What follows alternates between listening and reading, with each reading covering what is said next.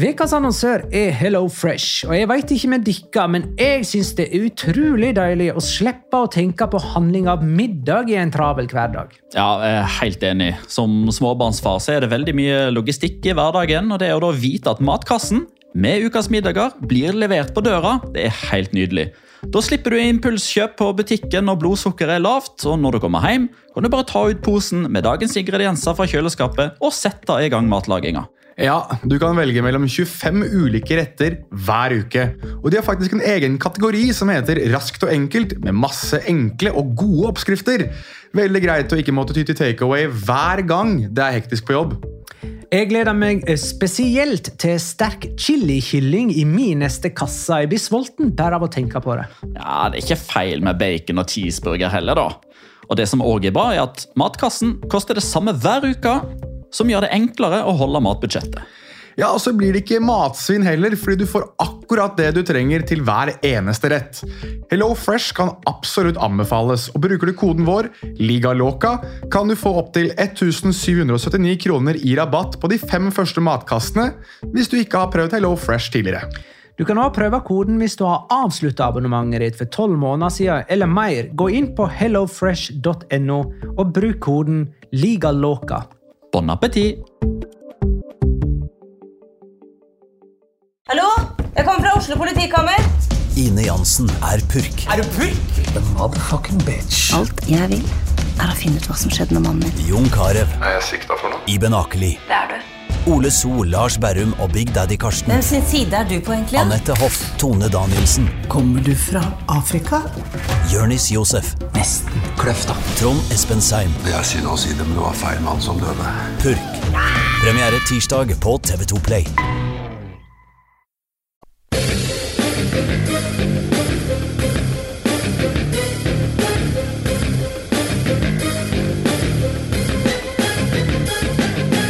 Har du sett? Barcelona slo Las Palmas i ei treningsøkt på Camp Nou. Der var det ingen tilskuere. De var i byen og ble banka opp av spansk politi. Gjennom helga ble vi vitne til hvor ille det faktisk står til med spansk politikk. Og om du mener fotball og politikk ikke skal blandes sammen, tapte du den kampen for 100 år siden. La liga loca. En litt gærnere fotball. Og nå er det faktisk såpass loco at det nesten ikke er morsomt eh, lenger. Vi har i alle fall noe å snakke om. Jeg, Magna Kvalvik, og du, Jonas Giæver, hallo. Hei, hei. Og du, Petter Wæland, hei til deg. Hola.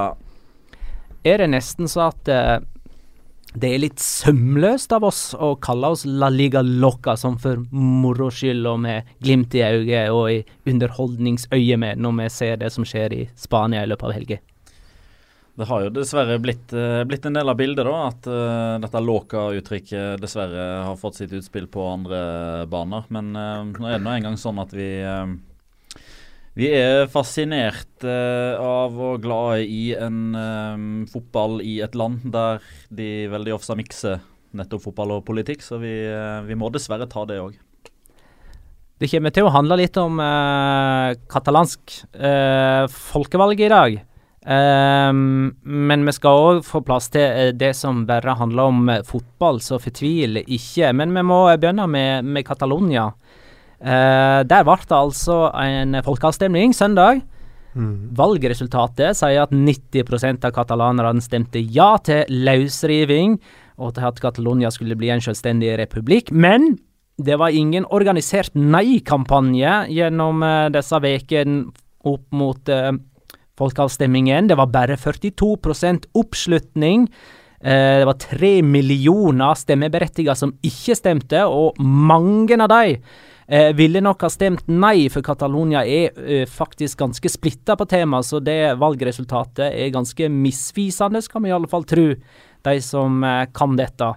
Eh, og ingen, verken nasjonalt i Spania eller i EU, kommer til å godta dette valget her. Og det som kanskje var viktigst med hele valget, sånn sett fra Catalonias side, var at de ønska internasjonal oppmerksomhet eh, for å få EU med på banen i utgangspunktet, og kanskje til sjuende og sist vinne litt mer selvstyre enn det de har hatt til nå, om enn ikke å løsrive seg nødvendigvis fra Spania. Jeg bare tar dette her eh, formelle politiske Ja, litt sånn her eh, i innledningene Det nå. er kjempeviktig. Ehm, det som ryster aller mest, er jo sivilgardens håndtering av ehm, eh, de sivile ved stemmelokal. Eh, hele Europa er jo rysta over de bildene som har spredd seg i nyheter og i sosiale medier. Og det som Dette her er litt Spania, da. Det som eh, er i ferd med å skje, er at det, det er det regionale politiet i Catalonia som først og fremst kommer til å bli satt under etterforskning for å ha ikke adlyda ordre om å stenge stemmelokal, eh, mens den eh, nasjonale sivilgarden de får skryt av eh, eh, statsminister Mariano Rajoy for å ha gjort den jobben han mente regionalt politi egentlig skulle gjøre. Der har du Spania. Eh, Barcelona spilte mot Las Palmas for tomme tribuner. Offisielt, sånn i utgangspunktet, var det av sikkerhetsmessige årsaker, men det har kommet fram at dette var mer som en protest, eller hur? Ja, det er nok en del eh, En del fra, fra begge kanter her. Eh, For å ta akkurat det konkrete med å velge å spille kampen for, eh, for tomme tribuner, så har jo Bartomeo, som er Barcelonas president, i alle fall brukt den avgjørelsen eller beslutningen for det det er verdt. Eh, han mener at de valgte å gjøre dette her for å la bildene gå verden over, for å få enda mer fokus på hva som skjer i regionen deres og i byen deres. Men nå er det, er det nå engang sånn at um, ca. en time før kampstart, når ryktene ordentlig gikk på om kampen skulle bli spilt i det hele tatt, om den skulle Mm. bli avlyst, om Barcelona skulle trekkes poeng, eh, om kampen bare skulle bli utsatt, om den skulle bli spilt med 80 000 på tribunen eller null på tribunen, så klarer det jo altså dette um, Altså de mest både politisk aktive og mest aktive supporterne på stadion å legge ut en, eh, en tweet, eller om det var en Facebook-post eller om det var en pressemelding, Mm. det, ja, Facebook, med, der de oppfordra folk som gikk på kamp om å løpe inn på banen, banestorming, Mm. og vise sin avsky, eh, få stoppa kampen på den måten. Og når man da har eh, svart på hvitt fra typ Altså eh, Barcelona sitt svar på det som er klanen i Vålerenga. da. Mm. vi, altså, vi, hvis klanen hadde gått ut en time før kampstart i, forkant av en eliteseriekamp og sagt uh, denne kampen ønsker ikke vi skal bli spilt, blir den spilt, så stormer vi banen. Ja. Da tror jeg Vålerenga hadde valgt å spille den for tomme tribuner òg. Så det, det er to sider av den saken. Litt spesielt nå har Barcelona-fansen i eh, hva blir det, seks år ropt om uavhengighet etter 17 minutter og 14 eh, sekunder i, i hver omgang, i hver heimekamp. Og så den dagen de endelig har valg, så er det ingen der til å rope lenger. Godt Men- ironisk. Det står Mescain Club eh, veldig tydelig på tribunen. da, Det kom jo tydeligere fram denne gangen. Ja, Mm. Og demokrasia på resultattavla. Ja, det sto det. Jeg vet ikke om det sto det hele kampen, men Nei, det gjorde ikke- var ikke- noe- nei. Ikke hele kampen, men i start, når de, da de kom inn på banen, så sto det vel. De hadde det banneret der det sto 'Demokratia' og Ja, det var litt underveis i kampen òg. Ja. Det var merkelig å se på. Det var sånn surrealistisk å høre kampropene, eller kampskrik osv. fra de ulike trenerne og spillerne som kommuniserte. og det er god gjenklang da i Kamp Nou-veggene, kan vi si. Det, man hørte det aller meste som foregikk. Og, men bisart og trist og ødeleggende for fotballen, ødeleggende for øh, ja, for hele, hele Spania og hele Europa, det som har foregått i, i Catalonia, iallfall i går, og det som pågår nå også. Altså Det fortsetter jo inn i dag. Eh, Nå ser jeg at Calella, som er en liten by som ligger rett utenfor Barcelona, der brukte jeg en sommer i 2008. Der har det vært politimenn i dag som har blitt kastet ut av hotellene. At hotelleierne har eh, rett og slett sagt sagt om at vi vil ikke ha dere her lenger. Og at lokalbefolkningen har nærmest kjeppjagd de ut av, Kjepp, av byen. Ha, ja- de har jaga ut eh, Politiet. eh, Spansk-politi, altså Ja. ja. At de har uh, sagt om at eh, vi vil ikke ha dem her lenger. Fordi at eh, folk i lokalbefolkningen har liksom blitt banka opp av eh, sivilgarden. Ja, jeg tenker jo at sivilgarden ligger jo sikkert med skjold og hjelmer og uh, totalkrigsutrustning, så hvordan har de klart å jage dem ut av hotellet? Nei, de har vel strengt tatt uh, sagt ifra og, og fått tak i lokalbefolkninga. Dere får ikke frokost. Ikke noe frokost til dere her, dere som banker opp folk. Nei, men det var det, var det som sto, at det, at det var da 50 politimenn eh, eller noe sånt, som hadde rett og slett blitt, blitt jaget ut av denne lille byen. da. Calais er eh, Fin liten by eh, med god strand og det som er. Så det er ordentlig sånn turist, eh, turistby. Eh, veldig fin liten by. Så det Jeg syns det var litt moro og litt sånn nostalgisk for meg som eh, lærte spansk i den byen her, å se, se de slå tilbake så ettertrykkelig. For de, gjorde, de var virkelig giddelause, de folka som bodde der da jeg var der. Men vi satt jo her eh, for ei uke siden og snakka om eh, det som kunne bli en veldig interessant 1. oktober. Det var vel ingen av oss som så for oss at det kom til å bli så gale. Nei.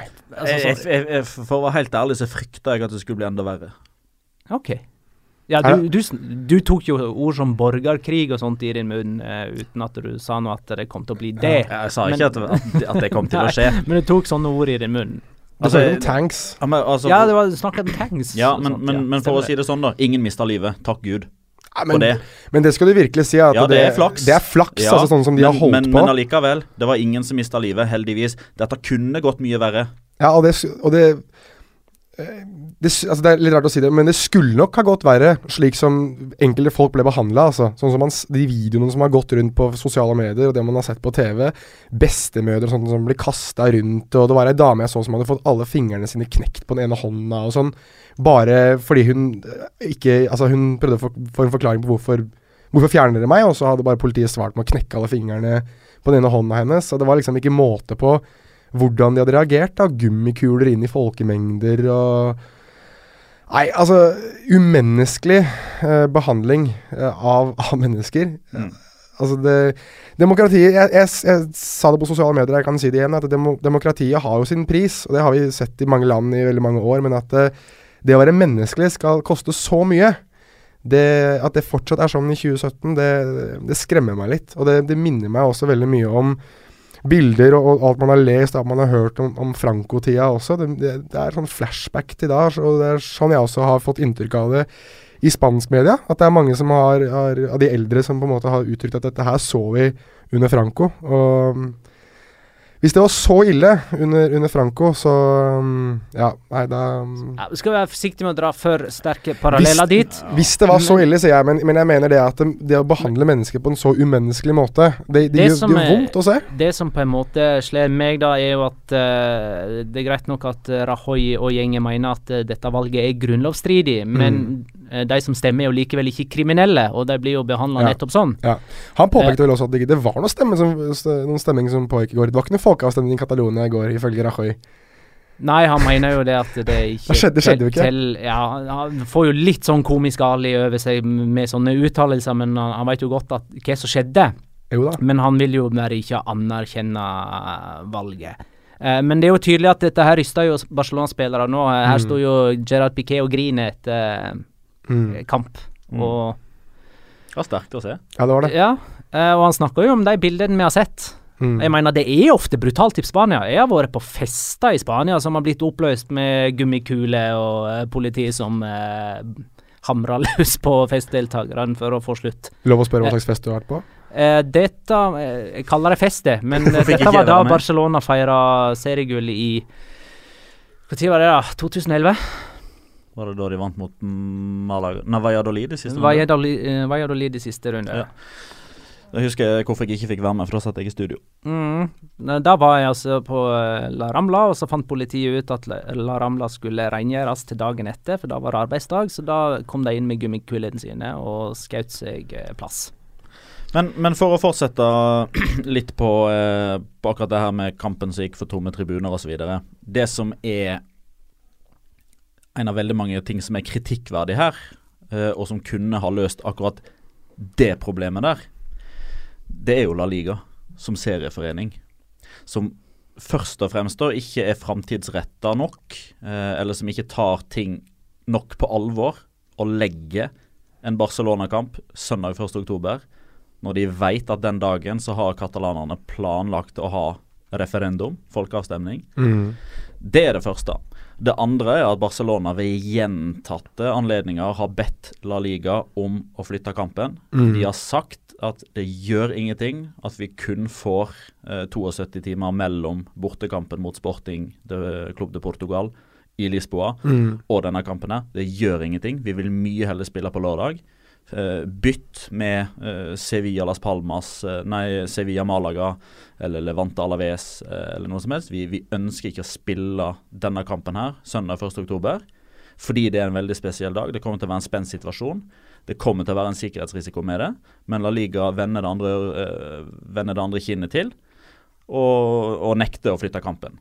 Det er jo det som skaper akkurat dette problemet, som mm. eh, i den store sammenhengen er egentlig ganske liten. Eh, altså At en La Liga-kamp blir spilt for tomme tribuner, det er glemt eh, om, eh, om, tre uker. Ja. Eh, at 800 mennesker blir skada av Nasjonalgarden, det er selvfølgelig mye mye verre, men, men, akkurat den situasjonen som vi sitter og snakker om nå, da, det er én en enkel justering. Spill kampen på lørdag, mm. så hadde dette her gått fint. Ja. Ja, For fotballens del så hadde, hadde jo det. Og det, det gjorde det jo enkelt å gjøre det til en politisk affære òg. Jeg mener jo det er Las Palmas som bestemmer seg dagen før eller noen timer før at de skal spille med det spanske flagget på brystet for å vise sin ja, sitt standpunkt i saken og en lang pressemelding der de har sittet stille i båten ved flere anledninger der ting har skjedd, og denne gangen så skal de vise hva de mener, og de vil ikke være en, et stille vitne, som de kalte seg selv i, i, i pressemeldingen ved tidligere anledninger. Så det jeg er helt enig. Hadde de flyttet den kampen, så hadde man unngått den delen av det som har uh, foregått. Altså alt det andre, det, det, humane som vi snakket om litt tidligere, det er jo én ting. Men uh, det fotballmessige og, og, egentlig den, den fiaskoen som, som, på mange måter foregikk uh, i går, og den kunne man unngått. Og det som skjer i spansk presse også, med ja, Marca som sier at dette, dette Barcelona-laget er det ingen som vil applaudere fordi, det, fordi de, de fikk det til, til å virke som at Barcelona hadde lyst til å si nei til å spille kampen, og så fikk de høre hvilke konsekvenser de ville hatt, og så bestemte de seg for å spille kampen likevel. Fordi de hadde blitt trukket seks poeng og hadde fått uh, hadde, hadde vel blitt trukket tre poeng, og så hadde de tapt kampen. Ja, det blir vel noe sånt nå, ja. Så det blir jo seks poeng da, basically. Ja.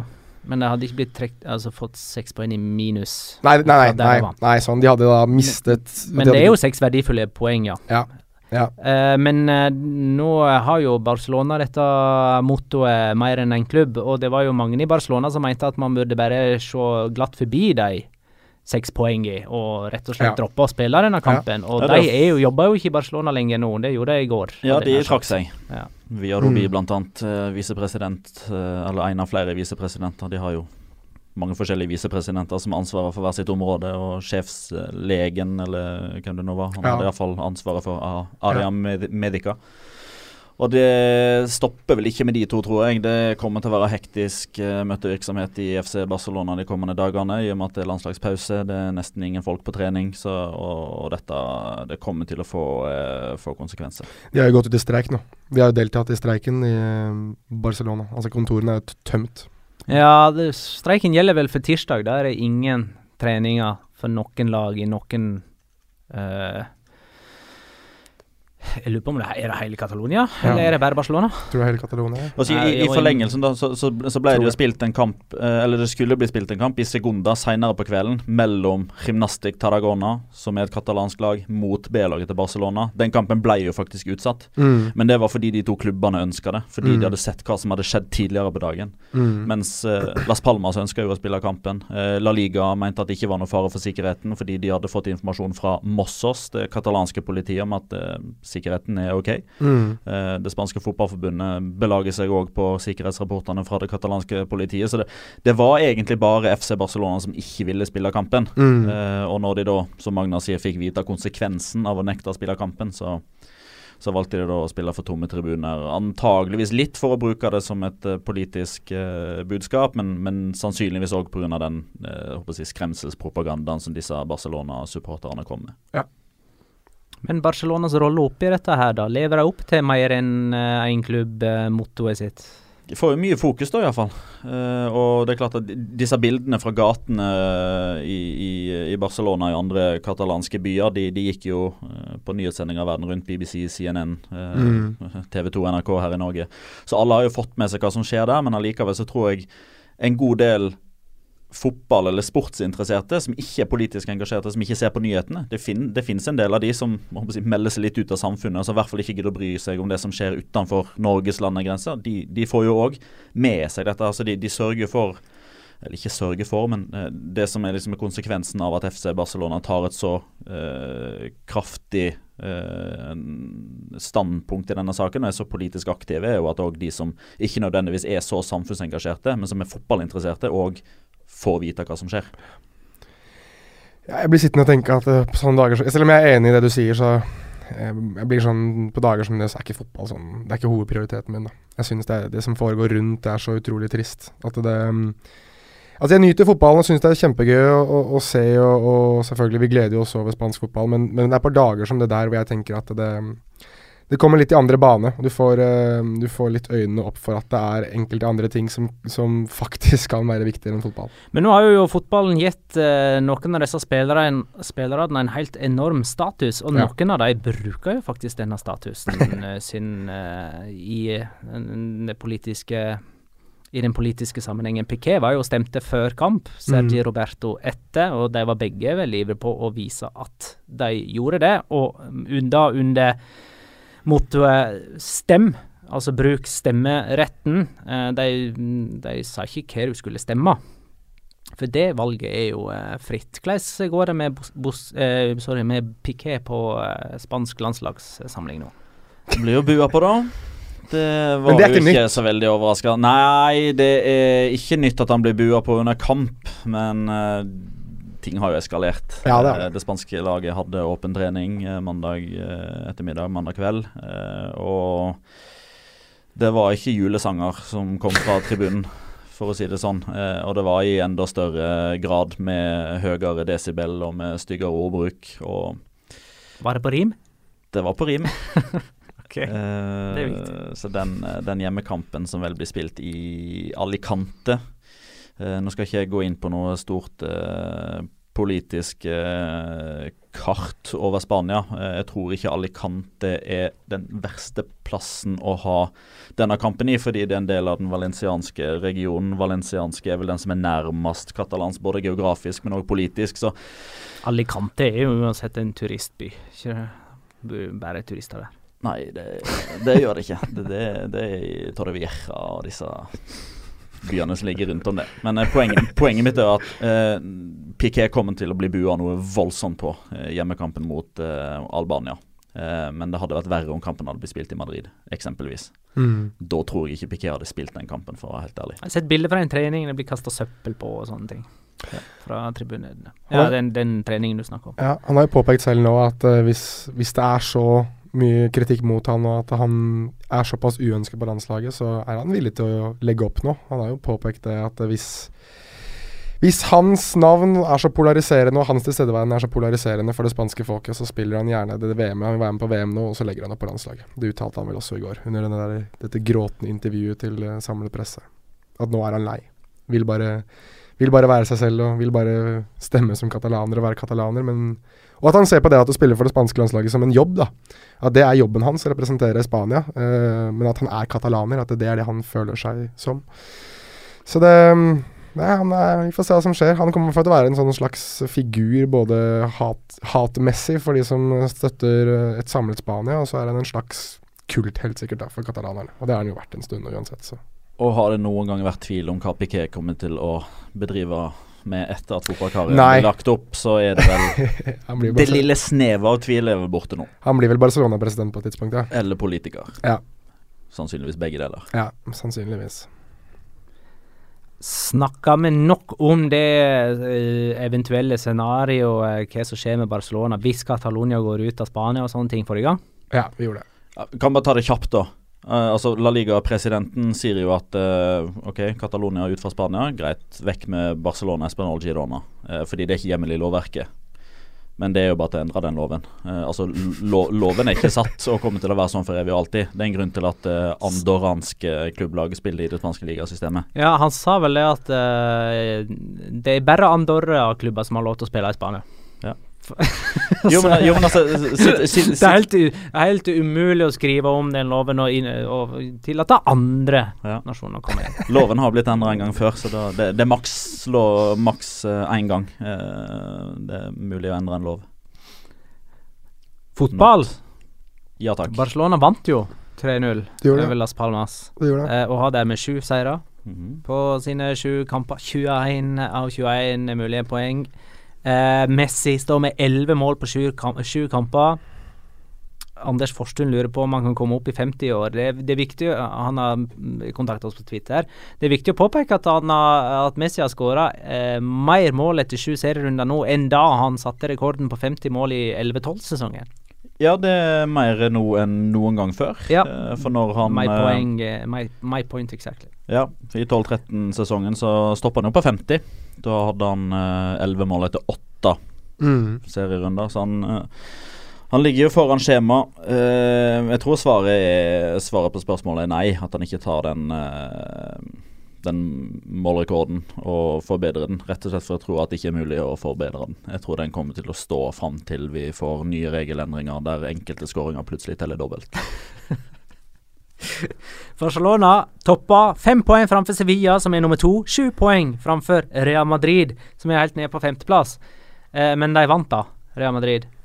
De gjorde det uten kjempestore problemer, eh, men eh, det går i bøl- bølgedaler fortsatt. Det, det var ikke en eh, prestasjon som Zidane var kjempefornøyd med sånn innerst inne, men etter tre hjemmekamper på rad uten seier mot Valencia, Levante og Real Betis, så kan man vel faktisk si at det, det viktigste for Real Madrid var å komme tilbake på vinnersporet. Og sørge for at eh, Santiago Bernabeu-publikummet, som hadde møtt opp med Eller som hadde fått utdelt kjempemange spanske flagg av eh, politiske aktivister utenfor stadion, og viste det, disse stolt fram i det tolvte spilleminutt, så eh, er det jo selvfølgelig ironisk at det var Español som var på motsatt banehalvdel, og det andre laget fra Barcelona.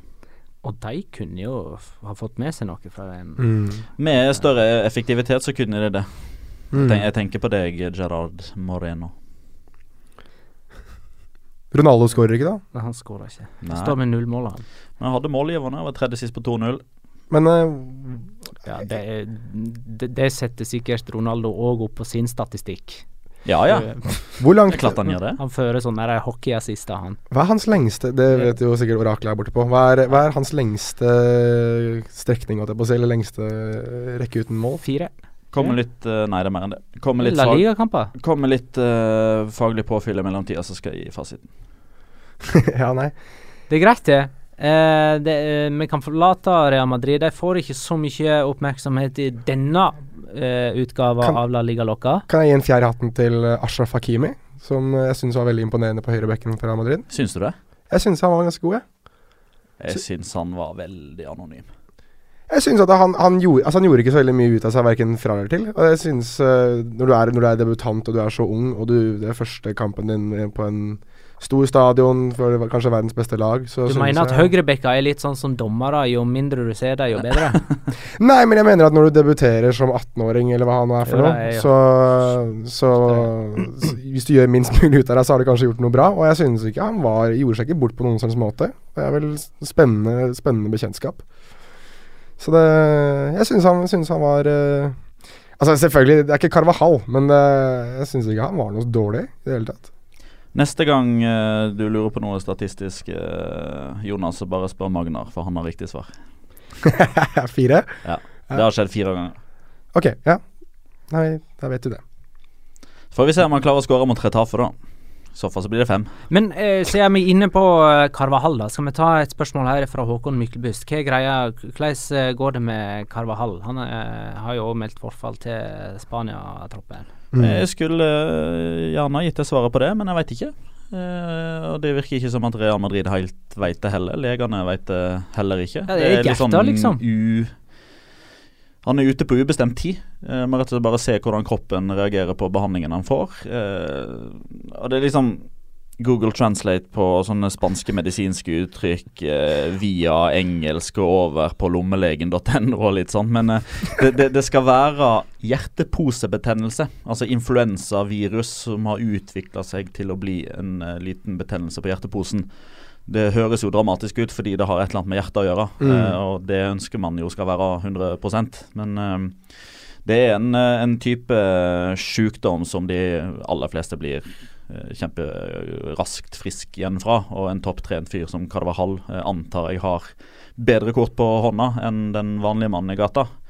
Så eh, Han spilte jo altså ikke mot Español og meldte forfall til de to spanske landskampene. Eh, Marca spekulerer, eh, og jeg gjentar spekulerer, at det kan være snakk om en måte halvannen før han er 100% frisk igjen. Men eh, Real Madrid har vært eh, kryptiske. De har nesten ikke kommet med noe annen informasjon enn at de må se an hvordan formen hans er framover.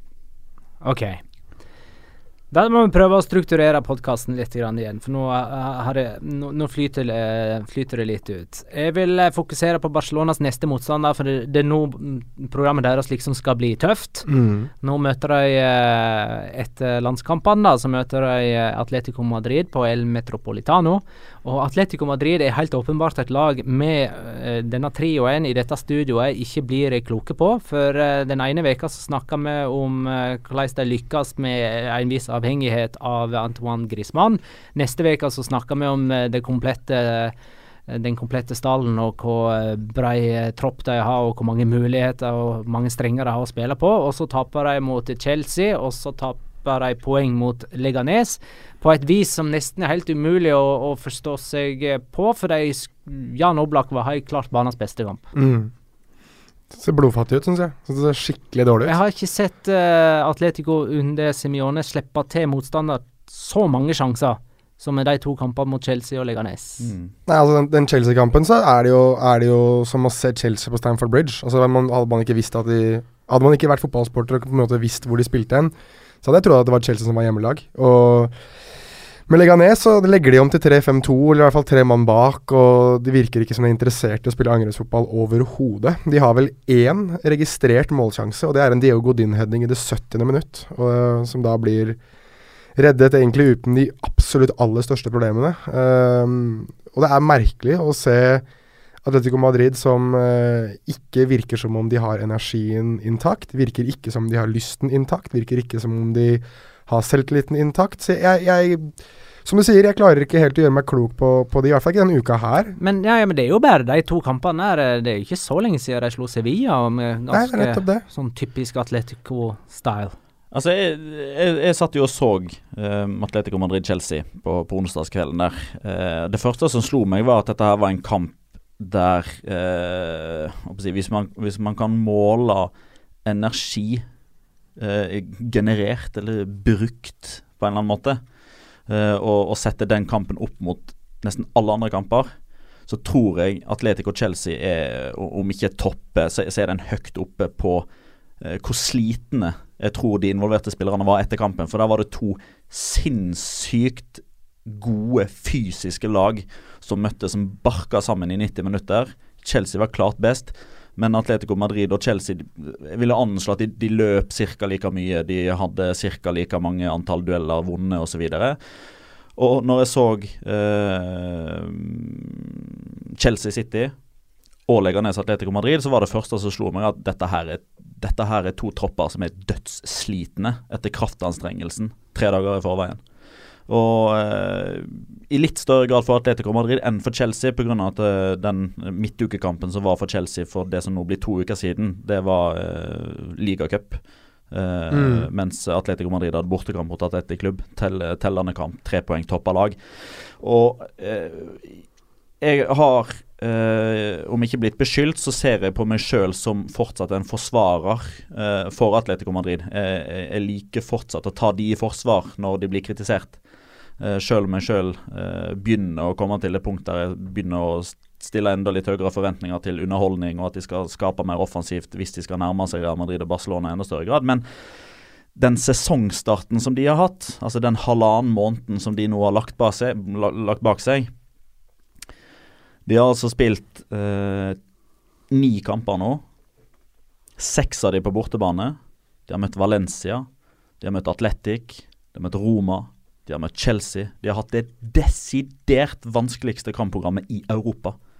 Og allikevel så syns jeg at de har tatt et anselig antall poeng. Men så er jo fotball ferskvare. Det er jo et, en klisjé eh, som jeg sjøl liker å bruke. At man, man husker jo det siste som har skjedd, best. Mm. Og pga. at de spilte 0-0 og fikk den dårlige opplevelsen mot legge ned sist nå, så tenker folk flest, og kanskje også meg sjøl inkludert, at litt skuffa over Atletico Madrid sin sesonginnledning.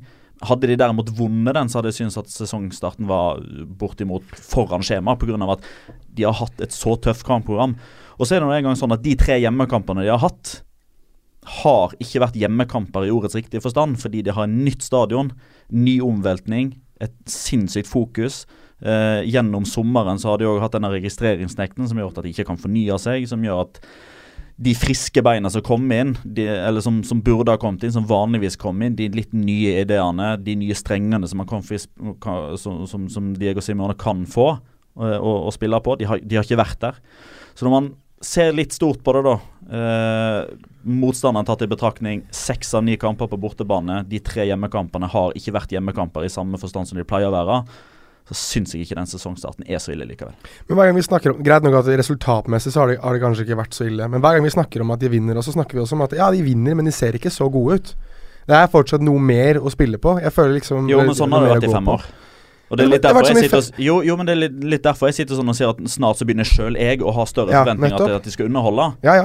Men vi må jo ta resultatene i betraktning. Ja, må, For det er bedre å være ræva og ta tre poeng enn å underholde og ta null. Det er sant, men jeg mener fortsatt det at det ser ikke ut som de er Kall det friskmeldt, da. At de ser ikke ut som et lag som sprudler. De har jo sprudlet på et tidspunkt. De har sett ut Hver gang de har gått på banen, så har du tenkt at dette laget kommer til å være bra. Det gjorde de mot Las Palmas. Ja, men, jeg syns de var gode mot Atletic. De var gode mot Sevilla.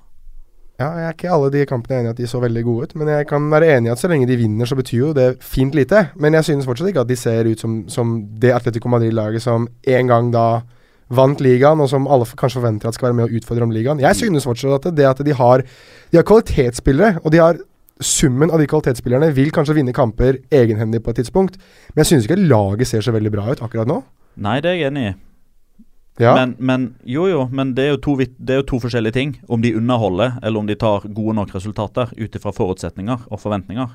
Ok, Men synes du at det er et lag av enkeltspillere som vinner, eller synes du det er et lag som vinner kampene? Lag. Du synes det? Ja.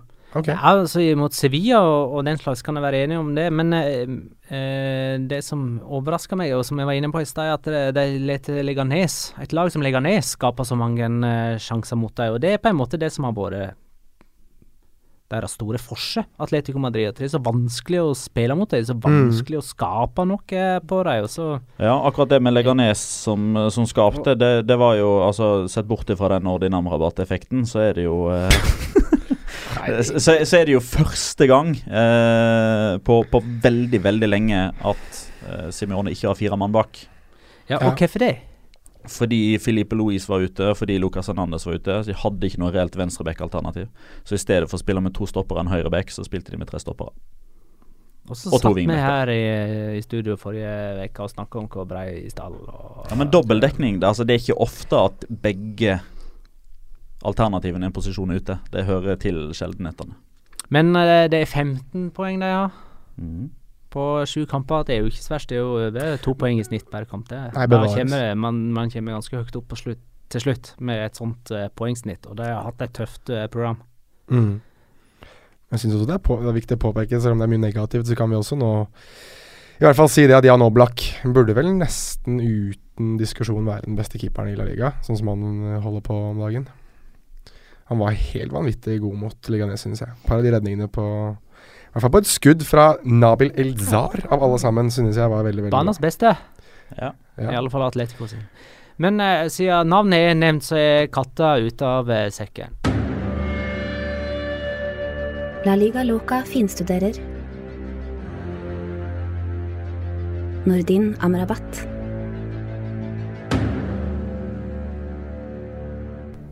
Vanligvis så snakker vi om Nordin Amrabat helt på slutten. Prøver å gjemme det til slutt i, i sendingen, men siden navnet kom opp, og siden vi snakker om laget han nettopp uh, spilte imot, så, så får Amrabat en tidlig uh, omtale. Tidlig mention i dagens pod. Ja, han gjør visst det. Uh, påpeker da at han Selvfølgelig, han starter jo ikke fotballkamper lenger. Han, eller han har jo ikke starta en eneste kamp for Leganes, og det er jo Helt riktig, eh, helt riktig beslutning, spør du meg. Men uh, han kom jo da inn i det 81. minutt, og det absolutt aller første han gjør uh, av verdi, uh, hvis vi kan kalle det av verdi, er jo selvfølgelig å miste ballen. Men skal du virkelig ta hver involvering? Nei, nei. nei for skal, det er det jeg skal si. Det, han, det er det, det, han starter med. Men så kommer det jeg, som jeg blir imponert over.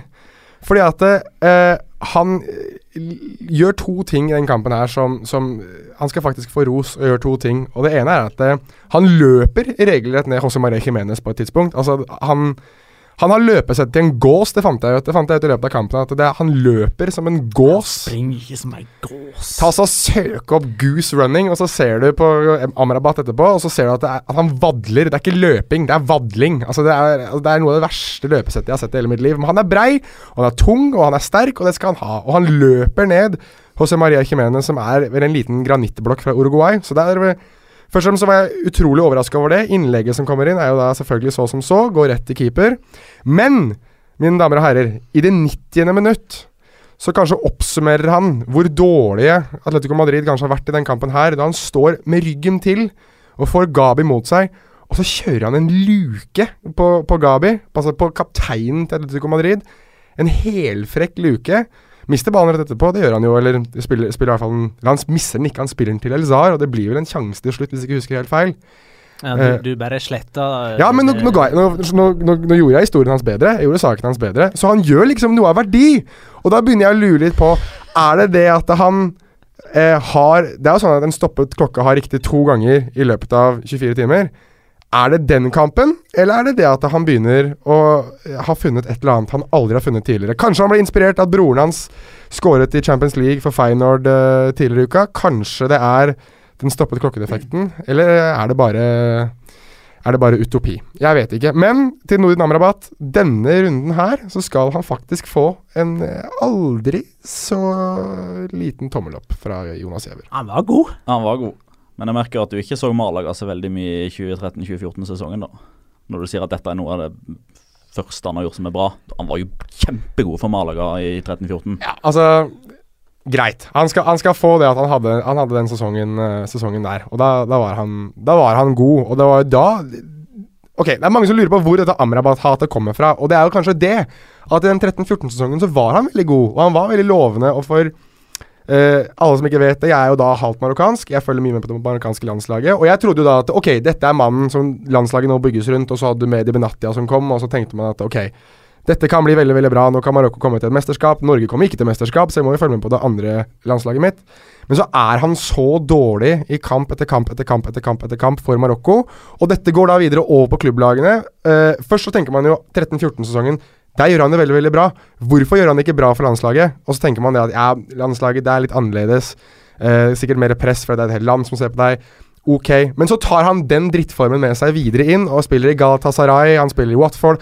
Han er elendig, og, og til slutt så, så blir jeg da nummer én meget skuffet, og nummer to da veldig, veldig, veldig, veldig veldig irritert. Nå uh, får ikke vi plass til mer Nordin Amrabat-snakk her. Uh, ingen oppfølgerspørsmål eller kommentarer, Petter.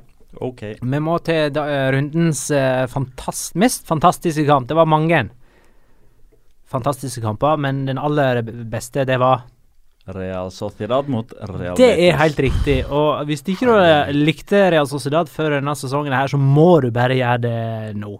De slapp inn tre mål i fire kamper på rad, og fikk slutt på den rekka ved å slippe inn fire mål i den femte kampen. Ja. Det er deilig. 4-4. Mm. Ingen lag uh, slipper inn så eller færre, flere mål enn eh, Real Sociedad, Mm. og bare Barcelona har skåra flere mål enn Real Altså, Sociedad. det- 17-17 Det er så målforskjell deilig på sju målforskjell. kamper. Det er så deilig målforskjell. Altså Det er sånn som Leganes kommer til å ha etter 22 runder. In ingen skåret Nordin Amrabat. Gå videre. Nei, men jeg, jeg er helt enig. Det, det, var, eh, det var en helt Altså, du ble svett av å se den kampen. De siste, det siste kvarteret der så lå jeg på gulvet nesten og så den fotballkampen, for det, det skjer så mye hele tida. Det er vel han eh, kommentatoren på Paul Viasport Giblin. Er det Paul Giblin han heter? Ja, ja. Uh, Idet det er, det er 4-3 da til, uh, til Real etter Sergio Land-skåringa, så er det corner, og så sier han vel They think it's all over, og så går corneren inn, og så Diego Jorente stanger inn, og så But it isn't! Og så klikker han, klikker han helt. Nei, det var, det var uh, Altså Nei, fra ende til annen en helt vanvittig fotballkamp. Og det som kanskje er altså, Det som jeg legger merke til, da eh, Fordi i løpet av mine år som eh, statistikknerd Mm. Jeg kan ikke huske sist man fikk den kamputviklinga med 1-0, 1-1, 2-1, 2-2, 3-2, 3-3, 4-3, 4-4. Det var alltid en utligning som kom Ja. etter ledermålet. Ja, det var ingen ingen som begge- leda med to. Nei, men begge, begge lag leder. leder. Mm, Ja, det var jo ja, ja, det 0-1, 1-1, 2-1, og Ja, så Men det var alltid ledermål, utligning, ledermål, utligning. Og det tok ikke lang tid fra hver eneste gang. Altså, Betis tok ledelsen etter fem. Real Sociedad utligna åtte minutter etterpå. Så tok Real Sociedad ledelsen. Betis utligna tre minutter etterpå. Betis tar ledelsen med én gang eh, etter den andre omgangen. Ti minutter etterpå så er det 3-3. Mm. Og så tror alle at Sergio Leon blir matchvinner med den fantastisk deilige kontringa Ja.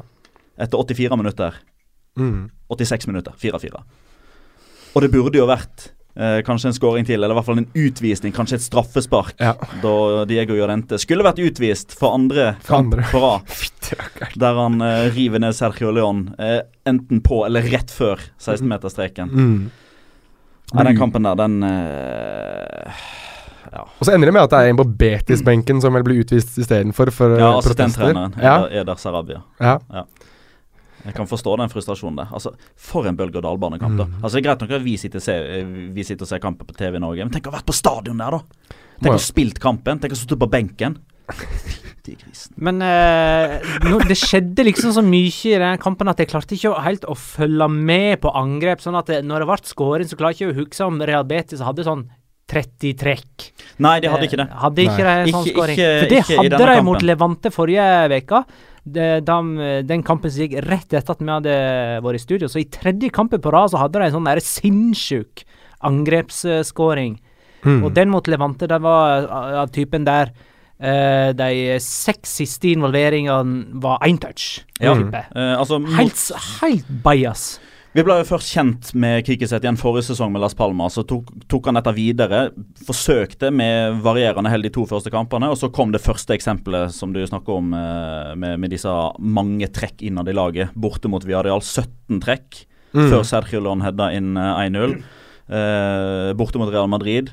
Eh, mellom 92-15 og 93-28 eller noe sånt. Altså ca. 70-75 sekunder der de hadde ballen. Ja. Eh, 21 trekk. Og da vant de. Og da vant de 1-0 med den skåringa der. Og så tok de ledelsen 1-0 og dobla til 2-0 hjemme mot Levante. Da var det henholdsvis 23 og 34 trekk innad i laget. Mm. Men mot Real Sociedad, da, da gikk det kjappere. Eh, det var en dødballskåring, blant annet. Eh, Fedal.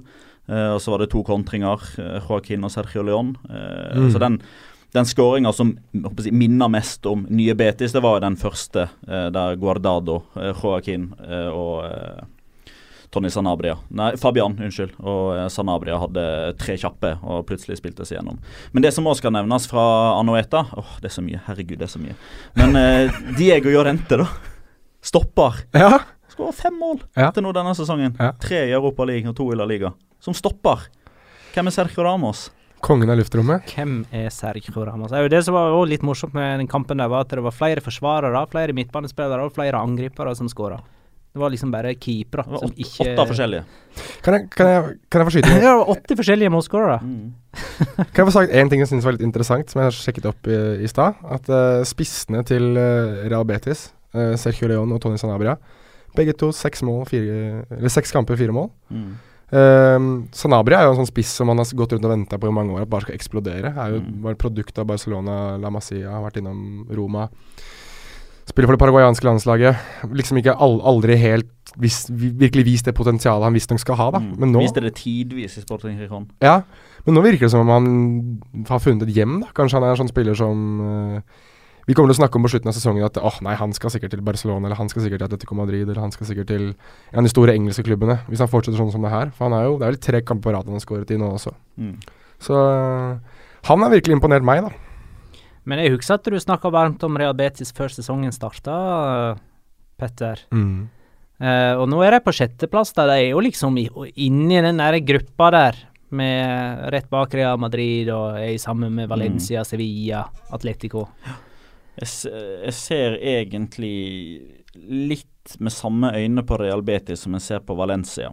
Eh, og det er uh, begeistra over måten de ser ut nå, i medgang. Altså jeg er spent på hvordan ting går når motgangen kommer. Jo, men det, Real Betis er jo sånn tradisjonelt en klubb som i, i løpet av en 10-15 år klarer å kjempe seg Altså én gang i, i en sånn periode klarer å kjempe seg opp i sånn Champions League-segment, Uh, og få sesongen etterpå, uh, for ikke å si sesongen etter, så rykker de ned. Mm. Så er de inne i den syklusen der nå at det er liksom Champions League-kamp. Ja, de, er, de er nærmere enn på lenge, iallfall, men jeg tror det er et godt stykke unna. Eh, jeg tror eh, Altså, det, det viste jo eh, Kike sett igjen med Las Palmas forrige sesong òg, at den evnen til å begeistre i begynnelsen av sesongen, den holder seg ikke nødvendigvis hele veien ut. For det Las Palmas-skipet, det havarerte midtveis, for å si det sånn. Og vel så det. Det sank eh, ganske kraftig på slutten av sesongen. Ja, det var bare med nødneppe, vel, til syvende og sist. De ble redda av at det var tre lag som var sinnssykt ræva. Ja, det var det jeg sier. Jeg så jo de mot Leganes i fjor da vi var på Botarque. Det var et utrolig dårlig fotballag Ja. som møtte opp den dagen. Et annet saftig oppgjør. Nå får uh, Celta Vigo Girona ha meg unnskyldt. Uh, det, det forblir med en mention. Det ble altså 3-3, men et annet saftig oppgjør eh, mellom to klubber som på en måte har litt mer der oppe å gjøre. Det var Valencia Athletic. Ja. Bare påpeke at Petter kastet seg bakover når vi sa at vi ikke kom til å gå over Celta mot Girona. Han er Dette er liksom det mediumet der Girona og Celta Vigo skal få den oppmerksomheten de fortjener, altså. Så blir det ikke likevel. Tilfeldigvis fordi at det er veldig mye annet å ta tak i i dagens Ja, det er jo det som er så deilig, da. At vi, det, er, det, altså det er darlings som blir drept. Mm. Ja, det er det. Valencia Atletic 3-2. Sasa skåra sin tredje kamp på rad. Mm. Rodrigo Moreno skåra sin fjerde kamp på, rad. Eh, Valencia har vunnet tre på rad og er eh, blant de tre klubbene uten nederlag, som Mm. Atletico og eh, Barcelona. Og de er topp tre for første gang siden 2015. Mars 2015, var det vel. Jeg, jeg trodde du skulle lenge tilbake i Ja, jeg tror det. Nei da, de var oppe To og år kjempa siden, når, de- liksom. når de ble nummer fire. Og ja, det har aldri vært så høyt Spirito siden på Santo, noe, ja. noe Ja. tidspunkt. Spirito Santo. Nuno Spirito Santo. Mm. Trener som tok det til Champions League. Mm. Det er jo ikke så lenge siden. Men blir han, eh, blir han den siste, eller blir han den forrige? Nei, jeg tror han blir den forrige. Jeg tror eh, Sånn som de har sett altså, Slik de ser ut nå, da, Valencia, så virker det som om de har fortsatt et hakk til de kan gå opp. Det virker som det er mer å, mer å spille på. Jeg synes at de er veldig, veldig gode tidvis, og så syns jeg de er veldig, veldig dårlige tidvis. Og det var vel det Marcelino var opptatt av etter kampen òg. Han sa det at vi må fortsatt vokse som et lag. og dette er et lag som er i en voksefase, og det er litt disse klisjeene som man hører fra en trener som nettopp har tatt over, og som nettopp har egentlig vunnet en fotballkamp med nød og neppe også. Jeg synes ikke at det var noen sånn kjempeimponerende kamp av Valencia, men de er jo dødelig effektive når de først får skudd på mål. Det var vel tre skudd på mål hele kampen, og som da resulterte i de tre målene. Så Og, og Kepa, som vi har snakka varmt om her tidligere, han hadde jo en stinker. Ja, han hadde det òg. Og straffesparket han gir vekk eh, Det er jo Ja, og så er han- ute og fanger luft. Det er han. Rodrigo Moreno skårer. Det er han. det er juniorfeil og par juniorfeil, da. Så um, Nei, jeg, jeg, synes, jeg synes ikke at Valencia så kjempegode ut, men jeg synes at de, de vinner på en dårlig dag, og det er vel gjerne en sånn som, eh, sånn som er hallmark av et lag som eh, kanskje har en litt god sesong, og som har enda mer å gå på. Og igjen, da, når du har tilsynelatende både to, to spisser som er i kjempeskåringsform og skårer selv på de dårlige dagene, så er det um, vitner om et lag som, uh, som har masse å gå på, og som jeg tror kommer til å ende på fjerdeplass uh, når sesongen er over. Ja, jeg er veldig optimistisk uh, med, med Valencia i år. Skal vi Skal vi? Hva skal vi da? Skal vi sette ei øl? Kasse med øl? Nei, Å, herregud. Jeg kommer til å skylde deg så mye øl til slutt at det er til å Løker mye ute med skade fortsatt, vet du. Ja, hvor lenge er han ute? Ubestemt tid. Fy. Ja, og før du setter ei kasse med øl på at Valencia tar fjerdeplass nå, eh, Jonas, så vil bare Redd min, jeg vil bare minne deg om at du, det er fortsatt lag som Atletico og Sevilla og sånt som skal kjempe om den fjerdeplassen Ja. sammen med Real Madrid, som for øyeblikket er utafor. Ja, men jeg tipper, at det, jeg tipper at det er Barcelona, Real Madrid og Atletico som er de tre første. Det tror jeg. Og så Ja. er det Sevilla eller, eller Valencia, tror jeg, som tar den fjerdeplassen. Så det er jo Jo, Ja. altså, for å si det sånn altså, jeg, skal, jeg skal være snill. Jeg, jeg skal ikke invitere deg til veddemålet. Jeg vil deg ikke så vondt at jeg vil ta 24 øl til fra deg. Men altså, vi, vi, vi snakker jo her om, om ja, d- Som jeg har det liggende hadde du- rugende. Det eventuelle veddemålet hadde du tapt. For vi snakker jo allerede nå om Valencia at de har kommet kjempegodt i gang, og så er de allerede bak Sevilla. Ja. som er den reelle trusselen i kampen om fjerdeplass. Ja, ja, så du, du, du mener Sevilla, sant? Ja, ja, ja. Og du mener Valencia. Valencia. Du har lyst til å si Valencia. Så da tar jeg eh, Real Betis, da. Og så, og så legger vi noe i potten på det. Fyllefest, da. Må. ja fyllefest og ta, den, den som er lengst unna, den uh, betaler. Den spanderer fyllefest. Det er søren meg verre enn ei kasse med øl. det. Ja, Hvis, du, hvis, du, hvis det er han som skal Økonomisk. skjenkes, Ja, det er jo jeg som vinner. Jeg er ikke kjempeglad i alkohol. Jeg. Det, det blir ikke så dyrt. Kjøp en. Smash-pose til meg i stedet. To. Spandere fest, liksom. Det er ikke lov, til, det er ikke lov å stoppe på én, eller hva er det de sier med denne Smash-reklamen? Det skal godt gjøres å spise bare én. Ja, helt riktig. Jeg tenker poser. jeg, Da. Ja, nei, det mm, kunne jo, kunne jo Egentlig så burde det vært Stratos-sjokolade, for det er jo Det oppsummerer jo forsvaret til Real Sociedad om dagen. Porøst. Og Ja. Jeg leste det på Twitter av noen. Ja, det er sikkert mange som har kjørt den. Men vi burde kanskje gå videre. Jeg synes uansett at uh, Jeg vil, uh, vil ikke si altfor mye om han, fordi det er sikkert noen som har lyst til å prate om han etterpå. Men 150 mål nå, Aretz Adores. Det er, um, Og inn på landslaget. inn på landslaget, og uh, ja Gammel skiløper som øh, i en alder av 35 øh, fortsetter å score. Eh, vi toucha innom La Liga Locora her, eh, Ja, det- aner jeg. Ja. Skal vi ta resultatet fra de andre kampene før vi går dit? Villarreal Eibar 3-0. Ja. Juhu. Real vant sin første kamp etter at Fran Escriba fikk eh, sparken, og Calleja tok over. Mye takket være Cedric Bakambu som skåra hat trick. Eibar har tapt. Hva blir det? Fem av de siste seks kampene og ligger nå under nedrykksstreken. Har du en kamp du vil nevne, Petter? ja, jeg kan jo ta Sevilla, da, siden jeg nettopp lanserte de som eh, innehaver av fjerdeplassen til slutt. De er nummer to for øyeblikket. De vant hjemme mot eh, Malaga.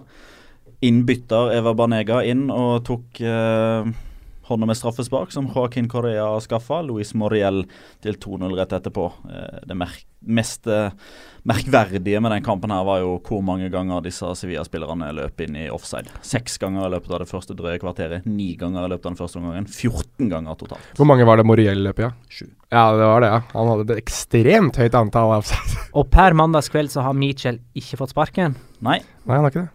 Ganske imponerende. Det er ganske imponerende. Jeg kan ta Levante Alaves. men, men eh, kan jeg bare få ta en kjapp ting angående Malaga og Michel? De møter Leganes uh, neste gang. Det er uh, make or break, altså. Ja, og forrige sesong så var det to trenere som mista jobben etter å ha tatt mot Leganes. Og til nå denne sesongen så har allerede Manolo Marquez trukket seg som Las Palmas-trener etter å ha tatt mot Leganes. Så vi veit jo alle hva som skjer. Det er Mandag liksom- 16. oktober. Vi vet også det at hvem som kommer til å skåre vinnermål i den kampen. Når din rabatt. Og så går det videre til neste kamp. Levante Alaves 0-2.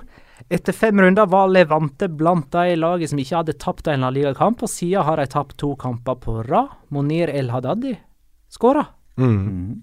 Så uh, Var det rart? Ja, nei, det er sånn friskt eh, godt uh, å, å kunne nevne ha sitt navn igjen i en positiv Du, må, du, må huske, du må huske det. Han der mener jo det. At, Petter, at- altså. Petter, altså, som jeg sitter og peker på nå, mener at uh, Alaves ene og alene kan bli værende oppe i La Liga fordi Nå mener jeg de kan det fordi de har byttet trener, men du mener jo at uh, Bojan Kirkic og Monir El kan skyte de inn i divisjonen også neste sesong. Jeg mente at de tre signeringene som kom den siste dagen, Monir, Medran, de to målskårerne Ja. mot uh, Levante, Levante. Ja og Bojan, de tre til sammen gjør at de kan klare seg.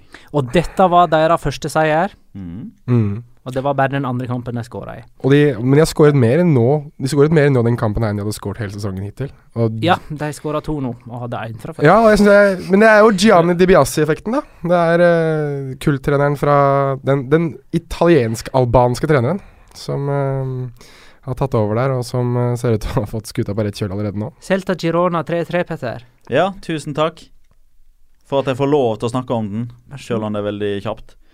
Eh, La Liga Locora, eh, apropos 2-2 sto det etter 16 minutter. Skal, vil du heller ta den i Locora-segmentet? Nei da, det er ikke, det er ikke Locora. Nei, ok. Kampen i seg sjøl er ikke Locora. Eh, men ja, kjapt fortalt 3-3. Pione Sisto skårer igjen. Daniel Wass skårer igjen. Hvis dette fortsetter, så kommer jeg snart til å søke om dansk statsborgerskap. Fordi jeg er så sjalu på disse danskene som får det til i La Liga. Mens vi har null niks nada zero zip. Maxi Gomez skårer igjen. Gult kort igjen, suspendert. Første spiller som må sone karantene for gule kort, er Maxi Gomez. Og to for filming, to for protester, én for en albue. Deportivo Retafe 2-1. Pepe Mel lever ei uke til. To, fordi Mm. det er landskamper. Ja, ja. Ei eh, La Liga-uke til. Under jornadernas. Eh, og, og han skulle han, Jeg annonserte at han skulle få sparken etter neste runde. Mitchell etter denne, men det har ikke skjedd denne med Mitchell. Den kommer, den, vet du. Det må komme i løpet Kommer sikkert samme uke. da, tirsdag, vet onsdag, torsdag eller fredag osv. Yay! Ukens La Liga Locura. Locura. Locura. Locura.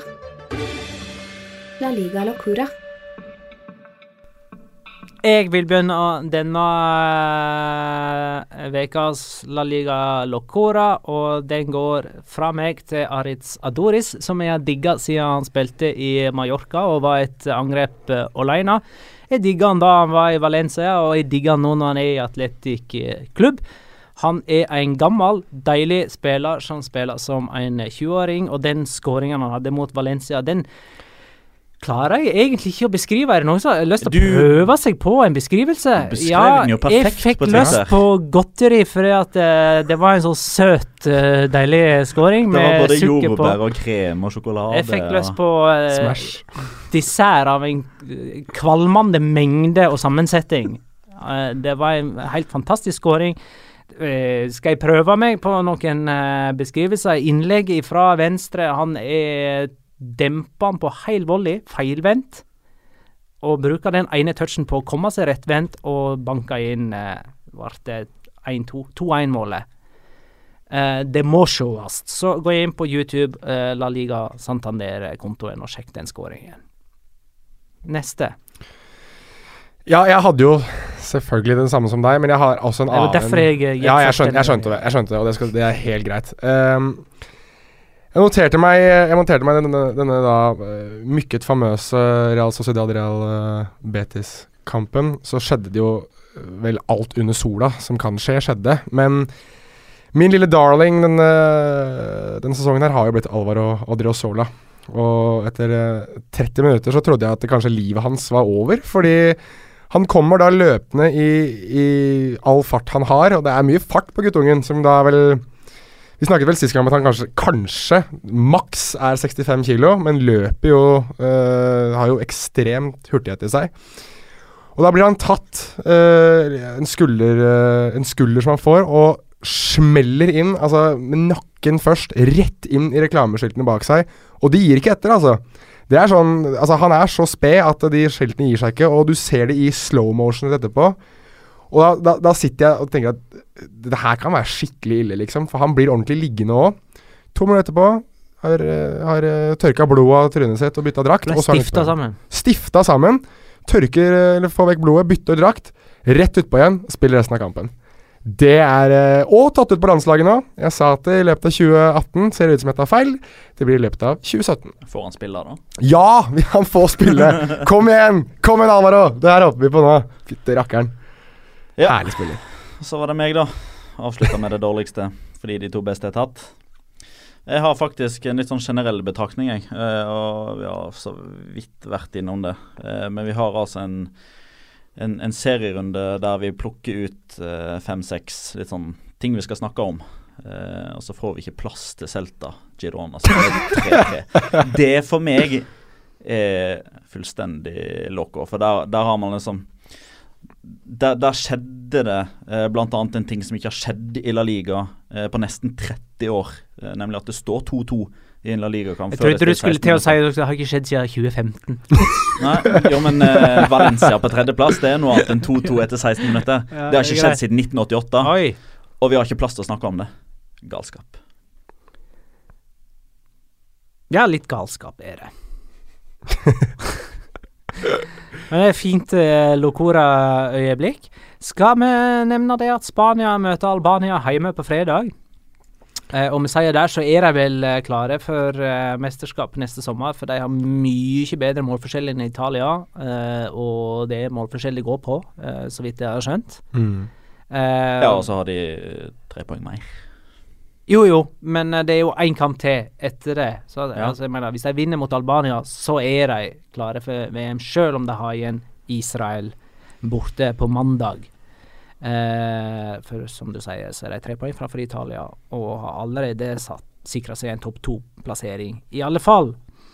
Eh, Morata, Iniesta og Carvahall er de som har meldt forfall. Adoris, Odriozola og Honatan Viera har kommet inn. Spennende. Han har vi ropt lenge på, og så tar han ut når han er inne i sin svakeste periode på lang tid. Det, jeg syns det er litt rart. Ja, ja, men med tre forfall så må det nesten Måtte det nesten komme. Ja. Neste serierunde i eh, La Liga, jeg har lyst til å nevne fire kamper der.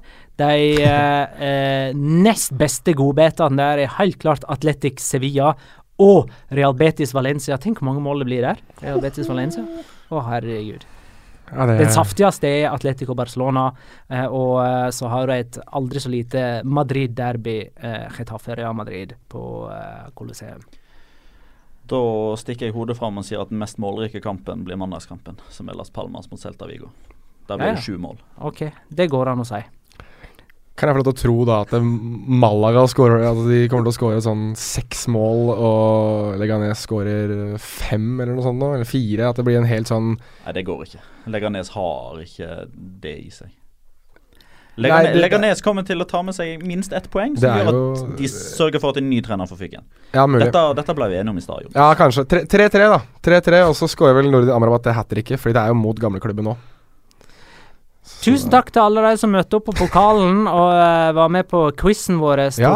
Og en shout til Pyro, uh, Pyro Pivo, som har denne eh, vekas eh, quiz på eh, pokalen. Det må eh, folk eh, få med seg. Det er fra klokka sju. Eh, og så takker vi alle som har gitt oss innspill på Twitter. Følg oss på uh, at La Liga Loca Pod.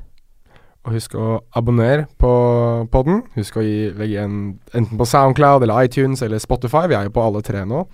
Eller der gode podcaster høres. Uh, og legg gjerne igjen en rating og en anbefaling eller kommentar på, på podkasten. Det hjelper oss Jeg veldig. bare, må bare nevne at jeg lest eh, kommentarene vi har fått på iTunes, og det er rørende vakkert. Ja, det er det. Tusen hjertelig Det er utrolig koselig, så vi håper at flere går inn og legger inn en, en uh, review, som det så fint heter på, på det engelske språk. Og hvis man ikke føler at eh, det er noe man ønsker å gjøre, så kan man ta med en ropert på Karl Johan eller Egertorget, Youngstorget, Fisketorget, Torgallmenningen uh, utenfor Nidarosdomen eller sånn, og rett og slett bare skrike ut det glade budskapet om å høre på La Liga Loca. Eh, Også, også siste gang, eh, shout-out til deg som på lørdagskvelden eh, ropte Norden Amrabat etter meg i Storgata. Takk skal du ha. Jeg vet ikke hvem du var, men du gjorde det i hvert fall. Ha det, da.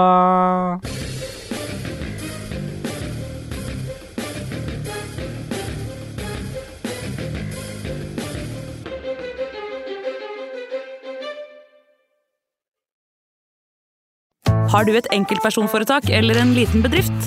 Da er du sikkert lei av å høre meg snakke om hvor enkelt det er med kvitteringer og bilag i fiken, så vi eh, gir oss her, vi. Fordi vi liker enkelt. Fiken superenkelt regnskap.